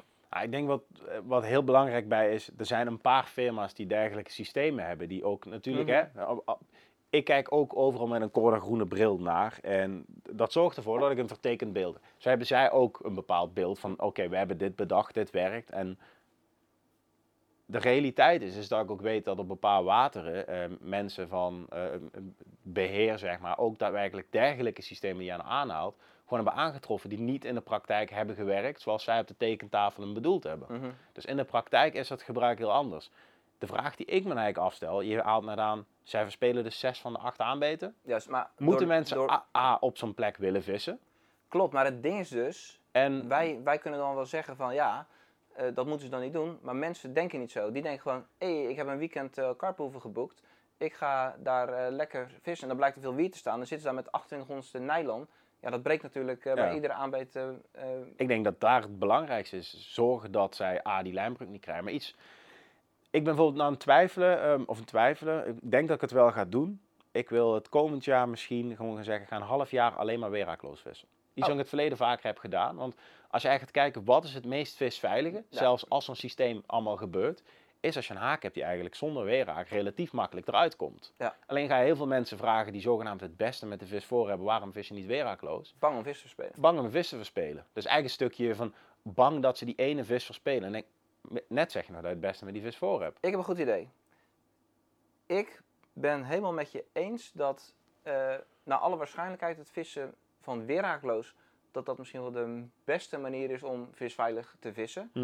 Ehm, en ik zou het heel tof vinden als je, eh, je inderdaad een echt, het echt de kans gaat geven. Want ik heb het ook wel eens gedaan en dan speelde ik bijvoorbeeld bij de derde vis, de derde run die ik kreeg, Ja. dan was die weerhaak, tenminste dan was die vis opeens los en denk ik, ja. En ik heb dus nooit de ballen gehad om weerhaakloos door te vissen. Dus ik zou het heel cool vinden als je het zou proberen. En ik denk ook echt dat dat iets heel moois zou zijn om dat dan goed in de media te brengen. Van joh, Ja. jongens, weerhaakloos vissen. Maar ik, heb in het verleden best veel weeraakloos gevist. Ook eh, vanwege die gedachte van. En ja, het is ook gewoon een stukje makkelijker. Als je vis in het net hebt, je krijgt een beetje actie, haak eruit het net. Als hij niet in het net al eruit gaat, teruggooien. Ehm ik hoor wel eens mensen, ja, maar die haken die gaan lopen in de bek en uitscheuren. Ik heb daar zelf gebruik maken van een, echt een klauwhaak zonder weeraak. Mhm. Heb ik dat toen de tijd eigenlijk nooit ervaren. Waarom vis ik nou hoofdzakelijk wel weer met weeraak? En dan denk ik, ja, weet ik eigenlijk niet. Nee, ja, Dus toch misschien ergens, dan denk je, het stukje zekerheid waar je net ook al zegt, die ene vis. Maar dan denk ik, van de andere kant zou ik het accepteren om bijvoorbeeld 1 of 2 procent meer lossers te krijgen op jaarbasis. Maar dan wel een stuk veiliger te vissen en daarmee ook misschien een voorbeeldfunctie te zijn voor anderen. nou, ik zou maar het wat- nobel vinden. Kijk, Maar en dan, misschien valt het mee, hè? Misschien verspil Ja. je eigenlijk helemaal niks. Dus ja, ik heb eh, ja, mijn tacklebox, ik heb hem nog niet uitgemest, maar ik ben echt het denken om gewoon te zeggen in januari, ik gooi echt alle haken eruit. Ik stop alleen maar weeraakloze klauwhaken erin en ga het gewoon een half jaar doen. Oké, jongens. Bij deze spreken we dat af. Kevin gaat een half jaar lang weerhaakloos eh, vissen. Ja. En dan maken we dan gewoon eh, een recap van, waarin we gewoon echt eerlijk aan de slag gaan. En misschien kun je nog wel eens een keer bij wijze van het naast elkaar vissen. om te kijken Ja, hoe die kijk, inhaking is. Stel je ineens ergens vist waar, ehm, ik noem maar betaalwater een reglement, van je moet met microbarb vissen, je mag Mhm, niet dat is vissen. Dan, dan zou je wel moeten. Of eh, ik kan me voorstellen, de situatie mee je eh, hebt dat je niet goed druk kan houden op een Mhm. vis, dat dat een situatie is dat je echt in het nadeel bent, zonder weerraak. Ja. Van de andere kant, als jij normaal, er onder redelijk normale omstandigheden kan drillen, en een klauwhaak en met een gekromde punt die zit in die bek van een vis, dan zou die in principe niet moeten gaan lopen of wat dan ook. Heb ik ook niet, zelf niet meegemaakt. Dus als je het structureel gaat doen, inderdaad niet bij die vis 3 die je verspeelt, hm, zou het komen door de weerhaak eh, die, eh, die ontbreekt. Hm. Klopt. Oké, nou laten we dit eh, voor nu even afsluiten. Ehm, gaan we het even over endtoken hebben. Is natuurlijk iets waar heel veel vissers echt op leeglopen. Ja. Financieel, omdat je, je kan haakje zus kopen, worteltje zus, een ringetje. Dan hebben we nog eens een onderlijn materiaaltje en een knijptang om je krimps eh, te maken. Maar ehm, kun je eens een paar tips geven voor mensen om het betaalbaar te houden? Koop wat je echt nodig hebt. Ja, maar Ehm, ding en dan dus- niet heel veel. Mooi voorbeeld, ik heb dit jaar meega, eh, meegeholpen met een, eh, een eh, hengelsportvereniging. Die had een soort ja, jeugdvis-evenement, Mhm. nachtje gevist. En als je dan gaat kijken in die tas, dan heb je eigenlijk... Ze hebben van alles en nog wat in een tas zitten wat ze totaal niet nodig hebben. En wat totaal niet bijdraagt aan het vangen van meer karper of het meer leren over karpervissen. En dan krijg je een tacklebox, die is gewoon leeg. En heb je heel veel nodig? Nee, als ik zo door het jaar heen kijk, ja, mijn tacklebox is helemaal opgetopt. Maar over het algemeen gebruik ik hetzelfde modelhaak. Ja. Ehm, geef mij bijvoorbeeld een whitegate maat 4 of 6. kan heel. Niks Uh, aan in principe een choddy is ook niet heel veel anders dan een whitegate. Dus Mhm. het oog staat de andere kant op. een onderlijnmateriaal. Dus ja, wat heb je echt daadwerkelijk nodig? En geef ook jezelf de tijd om een product of een type onderlijn te leren begrijpen en daarmee te gaan vissen. Dus om te fine-tunen. Dus niet deze week heb ik een, een longshank eraan, volgende week heb ik een crank eraan, de week daarna heb ik een choddy eraan, dan heb ik een, een toeters en bellen onderlijn en dan heb ik weer dit. Want om al die verschillende dingen uit te proberen, heb je ook allemaal verschillende dingen nodig. Ja, maar in hoeverre is de, eh, zijn de, bijvoorbeeld de Corda-films, dan zitten ze natuurlijk eh, een, een richt te knopen. Eh, ja, het is natuurlijk aan de ene kant iets heel moois, omdat er heel veel kennis gedeeld Ja. wordt, maar aan de andere kant maakt het ook mensen onzeker. Ja, het lastige is, als je een beginnende karpenvisser bent en je, je, je, je kent de basis niet, Mhm. en je kijkt naar een video waar mensen misschien echt bezig zijn met, ja, noem maar even, het, opti- optimaliseren. Ehm, specialistisch, een onderlijn echt aan te passen aan hele spe- specifieke omstandigheden. Dan kan dat voor iemand die de basis nog niet helemaal door heeft, kan dat heel erg zo, wat zijn ze allemaal doen, hocus pocus. Ja. En kunnen ze het overzicht verliezen. Nou, bijvoorbeeld met afgelopen jaar hebben we met Corda die basics range uitgebracht. Mhm. En als je gaat kijken, we hebben die basics range hebben een, een wide gape haak uitgebracht. We hebben de productontwikkelaars het oogje iets naar binnen hebben gekanteld. Dat is niet omdat dat de droomhaak is die zij 100% zo in hun eigen visserij na 25 jaar karpenvissen en ervaring zouden inzetten. Nee, dat is omdat het heel makkelijk maken om gewoon een snot te maken. En dat oogje dan net helpt om al zonder ook maar een stukje lijnen. of zo een haak te hebben die je gewoon met een eenvoudige knoop gelijk kan inzetten. Waar je dus als beginner heel weinig aan fout kan doen. Ah, absoluut. Zodat Ja. je volledig kan focussen op de basis. De lengte van de onderlijn, de lengte van de heer. Überhaupt checken hoe scherp een haak is. Want hoeveel vissers zijn er wel niet die zich helemaal verliezen in... hoe maak ik een of andere super ingewikkelde onderlijn... En bijvoorbeeld met de botte haak zitten te vissen. en dan nog niet eens het gevoel te hebben van... oh ja, wacht, puntjes krom. Misschien wat leuk is eh, om in 2022 te doen, is om misschien nog eens een video te maken met eh, even uit te zoomen en dan eventjes te gaan proberen te ons, dat we ons verplaatsen in Ja. een beginnende visser en dan weer inzoomen en dan zeggen oké, beste beginnende visser, we gaan nu twee richts laten zien waar je heel het jaar door mee kan vissen. Ik denk dat dat misschien wel... Ja, ik denk het belangrijkste... Nou, je ziet al heel erg... Zet meerdere, ik noem het bekende karpenvissers in Nederland... in dezelfde situatie. En je ziet dat ze met verschillende montages vissen... en er allemaal heilig vertrouwen in hebben... en waarschijnlijk ook zelfs allemaal succes mee behalen. Mhm. Wat zegt dat over de montages? Wat zegt het over de vissen? Misschien zijn ze helemaal niet zo, zijn ze helemaal niet zo, eh, zo, Ja, zo slim. Daryl Peck jaren geleden. Kijk naar zijn vangsten in België. Dat was Ja. een, soep- een soepel onder... Ja, eerst met een pop-up onderlijntje, super simpel, met gewoon een loodhageltje erop. En daarna met gewoon een soepel onderlijntje met een, eh, een waftertje. Het zag er super simpel uit. Ja. Maar hij vist op de juiste plek, op de juiste tijd met een vlijmscherpe haak. De Dat basis klopte. Nou, als we zo aan het praten zijn over rigs, over end tackle, ehm, dan bedacht ik me van, joh, jij bent natuurlijk een gesponsorde visser. Maar volgens mij is het niet zo dat jij nou voor honderden euro's eh, gebruikt eh, in een jaar. Wat eh, zijn de, zeg maar, de key elements waar je niet zonder kan? Want je bent Ah. een shotvisser, als ik dat mag zeggen. Ja, er zijn een paar dingen die ik echt... Nou, ik, ik gebruik wat nodig is in die situatie. En ik heb in het verleden heel veel met shots gevist. En shots hebben het grote voordeel dat... Nou, ik vis heel veel op stilstaand water. En ehm, soms heb je te maken met situaties een henger uitgooit waar je voor een vis ziet springen. Waar wier staat of blad eh, op de bodem ligt. Viezigheid. Of in ieder geval viezigheid en je niet 100% zekerheid, eh, zekerheid hebt dat je op een mooi presenteerbaar plekje ligt. Mhm. En de shots vist eigenlijk altijd. Dus die kan je overal uitgooien. Niks En je bent aan het vissen. En dat kan zo'n lekker gevoel van zekerheid geven. En dat past heel erg bij, ik noem dat die, die typische voorjaarsvisserij. Bijvoorbeeld heel mobiel, spulletjes op je kar, Mhm. rondkijken, ik zie vis springen, hengel erop. Ja, en laten we niet vergeten, eh, jongeman. Jij bent een van de weinige vissers die in principe toegang heeft tot alle materialen, die geen voerboot heeft. En dan is een eh shot werpend vissen is natuurlijk wel een hele fijne combi. Ja, je hebt, ja, wat ik zei, dat stukje zekerheid met dat, eh, met dat gooien. En kijk, het ene moment kan het zijn die typische single hookbait visserij van die zien vis springen, hup, bovenop vissen. Maar ik heb ook op water gevist waar we te maken met heel veel wier, maar waar ik wel echt steeds zwaar voer met een werppijp en dan met shots eroverheen vis. Het is wel het, het belangrijkste vind ik als ik dan vis heb gevonden en ik zit op die vis te vissen, mijn hengels liggen uit, dat Mhm. ik ook met een soort van zekerheid zit te vissen. Zonder dat ik eerst met mijn pijlhengel drie uur aan het gooien ben te zoeken naar een schoon plekje en dat die vis eigenlijk alweer eh, Ja. heel eind verder is gezwommen dat ik te veel verstof. Oké, dus je vist eh, veel met eh, shots. Nou, in de, we hebben al vooraf even wat gesproken. En toen vertelde je dat, we, dat je dit jaar veel meer met wafters bent gaan vissen. Daar gaan we zo meteen een losse video over maken. Maar kun je even kort, ook in deze langere film, vertellen... Ja, wat maakt een wafter dan interessanter soms dan een shot? Nou, als je gaat kijken, een, een, eh, het vissen met pop-ups, dus niet zozeer alleen een, een shot. Een Mhm. pop-up kan je doen omdat het visueel meer opvalt, omdat het net wat boven de bodem staat. Dat kan een reden zijn.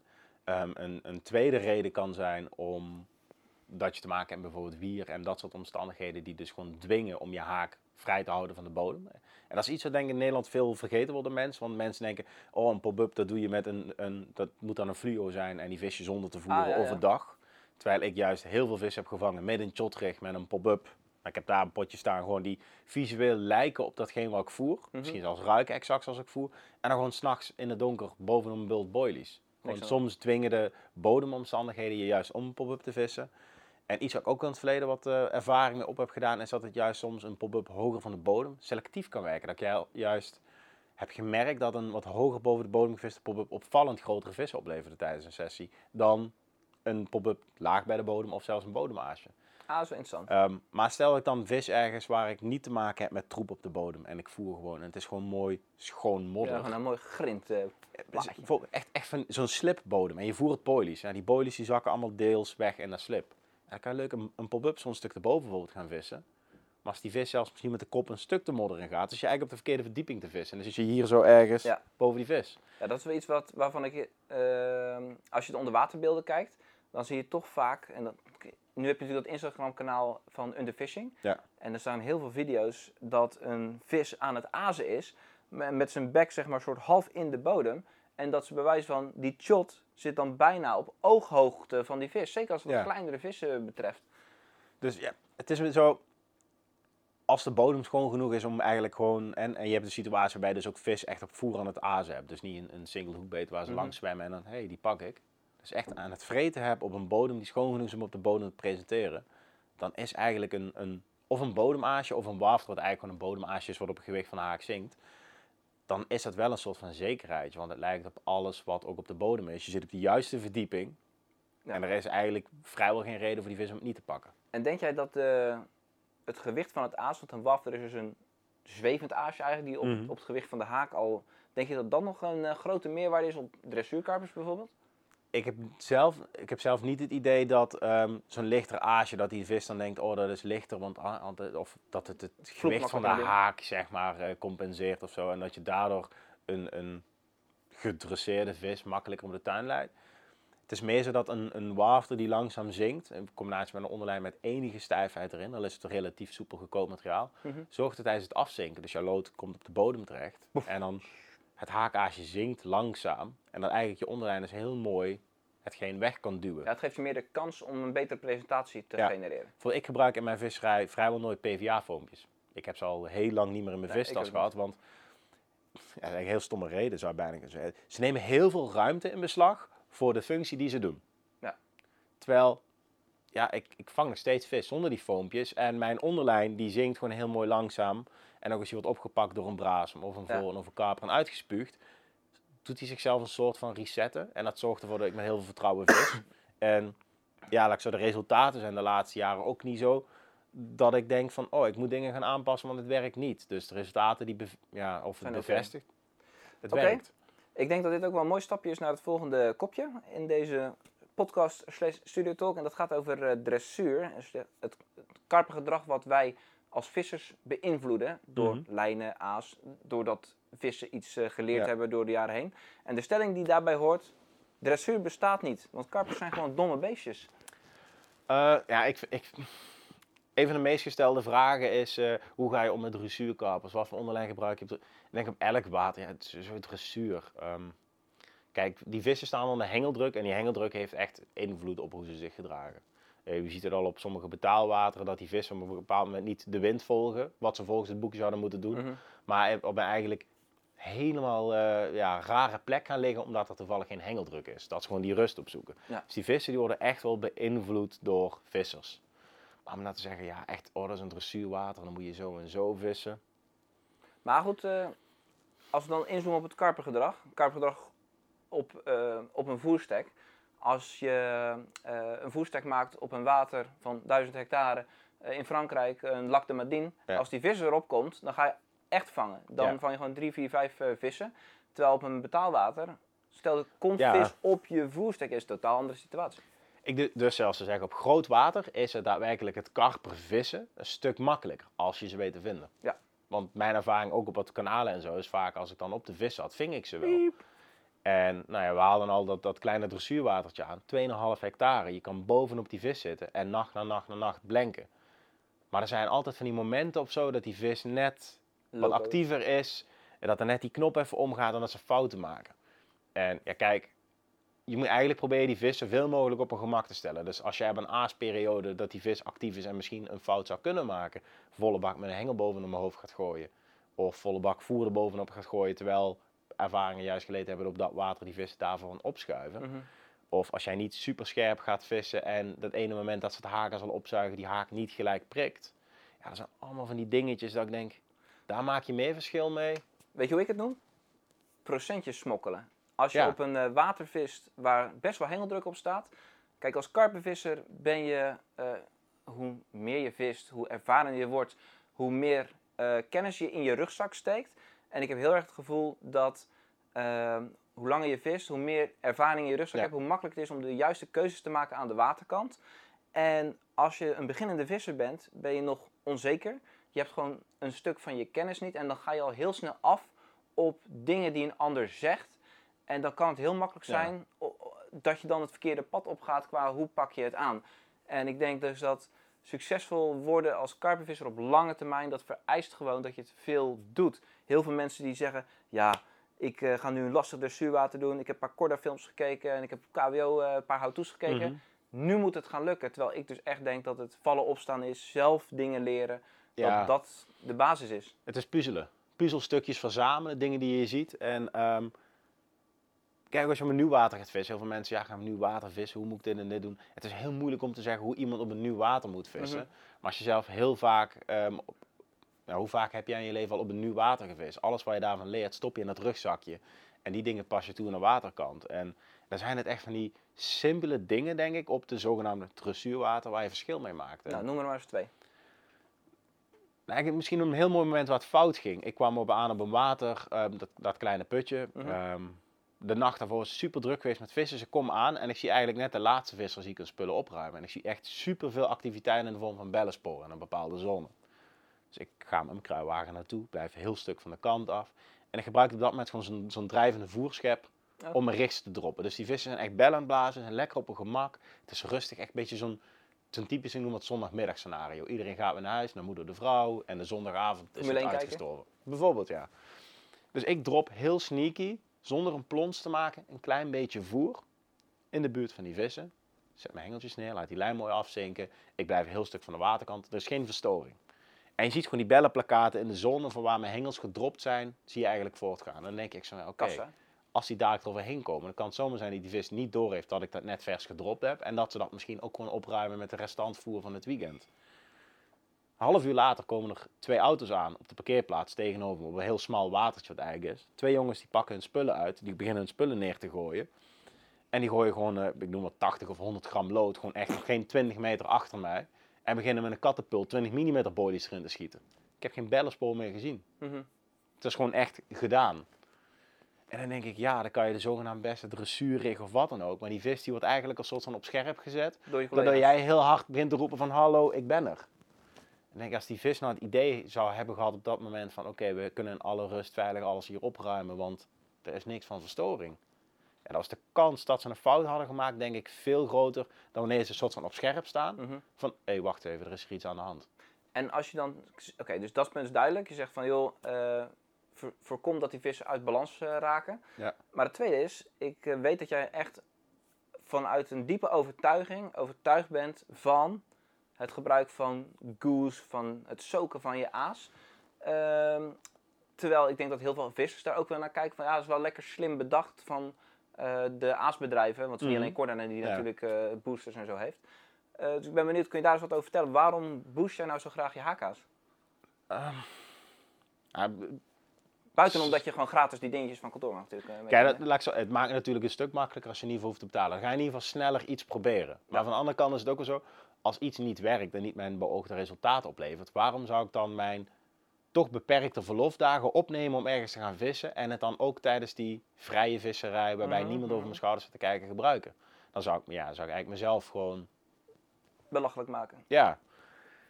Ehm, hoe ik het heel zo zie, je hebt zo'n setting met, ik noem wat, 50 boilies die op de bodem liggen. Er komt Mhm. een vis overheen en iets wat heel veel gebeurt, op veel water is, dan een vis er overheen komt en niet echt zo'n volle bak gaat razen. Gewoon een paar dingetjes pakt en Ja, weer een beetje doorgaat. Als alle boilies hetzelfde zijn, is ook je haakaas, en dat is één van die 50, en hij pakt er 10 stuks, hoe groot is de kans dat hij niet pakt? Ja, 1 op 5. 1 op 5. Dan kan je iets ertussen leggen dat visueel bijvoorbeeld opvalt. En dan hebben we dus met onderwaterbeelden en ook onder mijn eigen observaties heb ik gewoon echt gezien dat het heel vaak zo is dat als iets visueel opvalt, als eerste boom. dan een vis echt zo denkt van, hé, hey, wat is dat? Pak het. Ja. Zelfs op water waar ze non-stop zo belaagd worden, dat gebeurt dat nog steeds. Ehm, dat ze dan, de kans groter is dat hij als een van de eerste van die 50 dat meepakt. Dus dat voordat je hele stek is opgeruimd, dat ze dat dingetje hebben opgepakt. Maar ook als ze het dan weer uitspugen en die vis niet gehaakt wordt, om wat voor reden dan ook, heb ik al gezien daadwerkelijk gewoon een klein helder watertje. Dat die vis vervolgens dan, voordat hij ook maar tien andere bodens op heeft, toch eens een keer dat visuele dingetje oppakt. Of een andere vis. Dus dat je jezelf, hoe vaker het wordt opgezogen, hoe vaker je jezelf echt de kans geeft om een vis te prikken. En dan is dit puur visueel, want je kan natuurlijk ook allerlei liquids gebruiken, vloeibare attractors. En nou, je haalt goo aan, dat is dan wat ik zelf heel veel gebruik en heel Mhm. goede ervaringen mee heb. Maar als je het met een minamino of iets zegt, als jij die vis net kan triggeren om dat aasje eerder op te pakken, dan werkt dat natuurlijk wel in je voordeel. Want dat betekent niet alleen dat hij het eerder oppakt, dat is ook de kans groter dat als het wordt uitgespuugd, dat een andere vis uit dit groepje het eventueel oppakt. Ja. En ja, de eerste instantie, heel veel mensen roepen al gelijk, ja, maar als vissen al een paar keer op gevangen zijn, dan werkt dat niet. Ja, dat ben ik dus, klopt. Dat wordt veel gezegd, maar ik denk dat, dat, eh, dat we dan karpers te hoog inschatten in intelligentie. Omdat het heel vaak gewoon zo is dat eh, een bepaalde vis kan acht keer op dezelfde stek met bewijs van dezelfde aas gevangen wordt. Omdat zijn natuurlijke gedrag het blijkbaar fijn vindt om op die plek te komen en dan ook gewoon te eten. Kijk, Ja. als jij, eh, stel je, bent, je zegt, joh, ik wil gezond eten. Want ik ben een paar keer, heb ik een beetje buikpijn gehad van, van, die, van, van die McDonald's. Maar als jij graag op een bepaalde stoel in een hoekje van het water zou zitten als vis. En iedereen flikkert maar gewoon McDonald's voor je, voor je voeten. Ja, Moet je dan, sterk in je schoenen staan om het... eh, Exact. We hebben zo'n cameraman, Wessel, die eh, deed altijd McDonald's eten. Die is nu dan geprobeerd, probeert hij om gezonder te eten. Maar we gaan zo met de lunchers kijken als we een blikje Red Bull voor zijn neus houden. Wat dat, Oeh. wat dat doet. Ja, wat je bijvoorbeeld ziet is fluorpop-ups. Dan kan je zeggen, eh, karpers zijn oh zo geweldig eh, slim. En waarom gaan elk jaar vissen dan in de fout op een knalgele of een knalroze fluo? Ja. Waarom gaan ze er elk jaar op in de fout? En natuurlijk, ik ben ook van mening dat als je elke keer met een super visueel haakaasje op een voerplek vist, die vissen zijn echt niet belachelijk. Ze- Nee, en hoe eh, zie jij dat door de maanden heen? Want ik heb wel het idee dat in het najaar eh, dat vissen dus al maandenlang belaagd worden. eh, en dat als dan het, nu het najaar aanbreekt, vissen moeten ook meer eten. Hè? Dat speelt natuurlijk ook mee. Ja. Dat dan een bodemaasje met bij wijze van eh, productiever gaat worden dan een Ja. visueel aasje. Ja, er zijn twee dingen waar ik zelf heel erg rekening mee hou met visserij. Eén ding waar ik heel weinig mensen over in, eh in zeg maar, Nederlandstalig gebied en Benelux is de zintuigen van een karper. Die werken onder hele koude omstandigheden een stuk minder dan wanneer het warm is. Heel Mhm. interessant, van een, een karperkweker, bioloog gehoord, is het zichtvermogen van een karper is als het min 5 is bij wijze van buiten en er begint een laagje ijs op het water te vormen, werkt niet zo optimaal als wanneer het 20 graden plus ah, is. je? Oké. Dus om in de wintermaanden ja, iedereen, oh kraakhelder, die moet je endtekker super goed camoufleren. Ja, daar maakt misschien al ietsjes minder druk over. Maar om juist met super visueel aas te vissen, zou ik dan al eerder doen wanneer je, dan wanneer je in het voorjaar met, ik noem maar 20 graden, eind mei. Ja, de vis al Ehm, gepaaid heeft en vooral eten ja. nodig heeft om zijn Dus die visuele prikkel, dan denk ik echt zoals ik, na de tijden van het jaar denk ik, winter als het echt afgekoeld is, vroege voorjaar. En je moet echt een, die vis meer uit nieuwsgierigheid een trigger geven. Of op een voerplek misschien proberen dat ze net iets uit nieuwsgierigheid pakken. Ehm, maar de periode na de paai, dat watertemperatuur heeft zijn piek ongeveer bereikt of zit Mhm. tegen die piek aan. Ehm, die vis werkt eigenlijk 100% hè, qua zintuigen, maar ook qua metabolisme. Dus ze zijn volle bak aan het vreten. En je hebt vis echt vol op je voer. Ja, dan is zo'n zo'n bodemaasje of een pop-up dat matchend is qua kleur, of een waftertje dat matchend is qua kleur, daar speel je wel meer een soort mee op safe. Dan, Ja. kan, dan kan juist die visuele trigger het ene moment, dat kan een risico zijn. Het ene moment zorgt ervoor dat ze nieuwsgierigheid iets pakken. Maar het andere moment is het meer een, een subtielere aanpak, kan ervoor zorgen dat je soort op safe speelt. En dan kijk ik weer naar het najaar toe. Dan heb ik ook heel erg opvallend, de meeste waterwakvis, dat ik opvallend veel meer aanbeten krijg en donker. Ja, leuk een fluo eraan ook, maar dan zie je toch niks van als het donker is. Nee, wat ik nog wel even aan wil halen als soort van bonus tip. Ehm, als je dus inderdaad met aas vist, wat uit de zak komt, eh, dan valt, en het valt dus niet meer op dan, eh, dan de andere boilies, dan moet je dus ook goed nadenken met het bijvoeren. Want als jij een run krijgt, kan het, eh, omdat die vis waarschijnlijk het niet uitmaakt welke boilie die als Ja. eerste pakt, kan het ook de laatste boilie zijn op je voerstek. Dus als je beet krijgt terwijl je met een, een, met een boilie uit de zak vis, zou ik veel meer constant bijvoeren. Ja. Terwijl als ik met eh, visueel heel opvallend haakaas vis, eh, dan weet ik als ik bijvoorbeeld twee uur lig te vissen en ik krijg dan een run, is de kans best wel groot dat als je bijvoorbeeld eh, een snowman vis met een oranje pop-up Mhm. erboven, dat dan een groot deel van je haakaas er nog ligt. Dus ik zou er bij wijze van iets minder bijvoeren Ja, dan wanneer ik gewoon met een 20 mm bol uit de zak een run krijg. denk ik, ah oké, top, tak tak tak, doe maar weer even een half kilootje voeren. maar stel je voor dat je nou, ik noem maar 2 kilo hebt gevoerd, relatief compact. En je legt er drie hengels op met een body uit de zak. Dat is bijna zonde van het, eh, van het niet proberen om het verschil te, te Het geeft je de mogelijkheid onder andere dus al om te experimenteren met verschillende aasjes. Maar ook, stel je dus, deze tafel is jouw voerplek en hier ligt voer. En er ligt hier een richt, daar een richt en daar een richt. Mhm. Als die vis hier gaat vreten, is de kans dat hij in contact komt met jouw haakaas en dat opneemt veel groter eigenlijk. Nou, het is interessant om eens te- na Maar te gaan denken wat het doet als je meerdere hengels bij elkaar doet. En ik denk dat die Engelsen dat heel veel doen, eh, omdat ze dat daar gewoon doen. Eh. soms, sommige water hebben ze niet eens de ruimte om een hengel 20 meter naar links te doen natuurlijk ja, ook als je nog allemaal van die stijgertjes hebt en dan iedereen heeft een stukje van 30 bij 40 om te vissen. Maar je kan wel dus heel, inderdaad heel mooi experimenteren. Al is het een, een zak uit de, of een boilie gewoon uit de zak met een netmaisje erop. Een paar Ja. jaar geleden is het super populair. Heel veel mensen zag je zo vissen. Wie, wie doet het nog? Klopt. Nou goed, zo zie je maar. We zijn ook al, ik vis dan 30 jaar, jij vis 25 jaar. Ik denk dat we nooit uitgeleerd eh, raken. Mhm. Komt ook, eh, ja, we kunnen uren, uren lullen, dat is wel duidelijk. Maar we komen bij het punt dat we gaan afsluiten en we plannen gewoon weer een vervolgdate. Ehm en bij die afsluiting hoort nog een stelling. En die stelling is, over 10 jaar viest Kevin Diederen, hij vist niet meer op karper. Hij is dan de Herwin Quintweg ingegaan met een beetje brasems, een beetje witvis en een beetje zilt nog en een snoekie af en toe. Karpervissen heeft hij dan gehad. Nee, denk ik niet. Niet? Nee. Nou ja, als je gaat kijken, het mooie vind ik van karpenvissen is dat het heel... Zelfs als je alleen al, alleen al gefocust zou zijn op het statisch karpenvissen, Mhm. dan kan het zo divers zijn. Ook als je kijkt maar om je heen, vraagt de KWO community members, karpenvissen is heel veel verschillende dingen voor heel veel verschillende mensen. De een vindt het prachtig om op eh, een betaalwatertje de een naar de andere run te krijgen. De ander die gaat op bakkenjacht. De een vindt het heel vet om te targetvissen.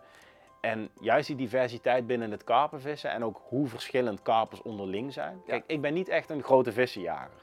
Maar als ik kijk mijn, mijn hoogtepunten binnen mijn karpenvisserij, dan is het wel echt het belagen van individu- individuele vissen. Nou, zoals die rijenkarper die wij samen vingen eh, Ja, toen, toen we die vlog Het eh, kan een maakten. 20 ponder zijn die stokoud is, die super mooi eruit ziet.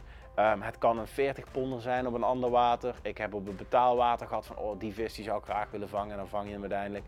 Ehm, in Frankrijk op een kanaaltje. En juist het hele individuele van het karpenvissen, echt dat bijna postzegels verzamelen. Dat ga je niet beu raken. Nee, dat vind, ik, dat vind ik wel echt het gaafste wat er is. En dat mis ik toch wel bij andere visserijen. Al moet ik zeggen, het Ja, ziltvissen... je- Zilt eh, lijken natuurlijk veel meer op elkaar dan karpers. Ja. Dus, Dus- het is een stukje saaier wat dat betreft. En het is ook een heel erg seizoensgebonden meervisserij. Mhm, Bijvoorbeeld dat mhm. ziltvissen was echt het voorjaar. Tot de periode dat ze paaien. En ze paaien meestal net na de karp op vrijwel alle wateren.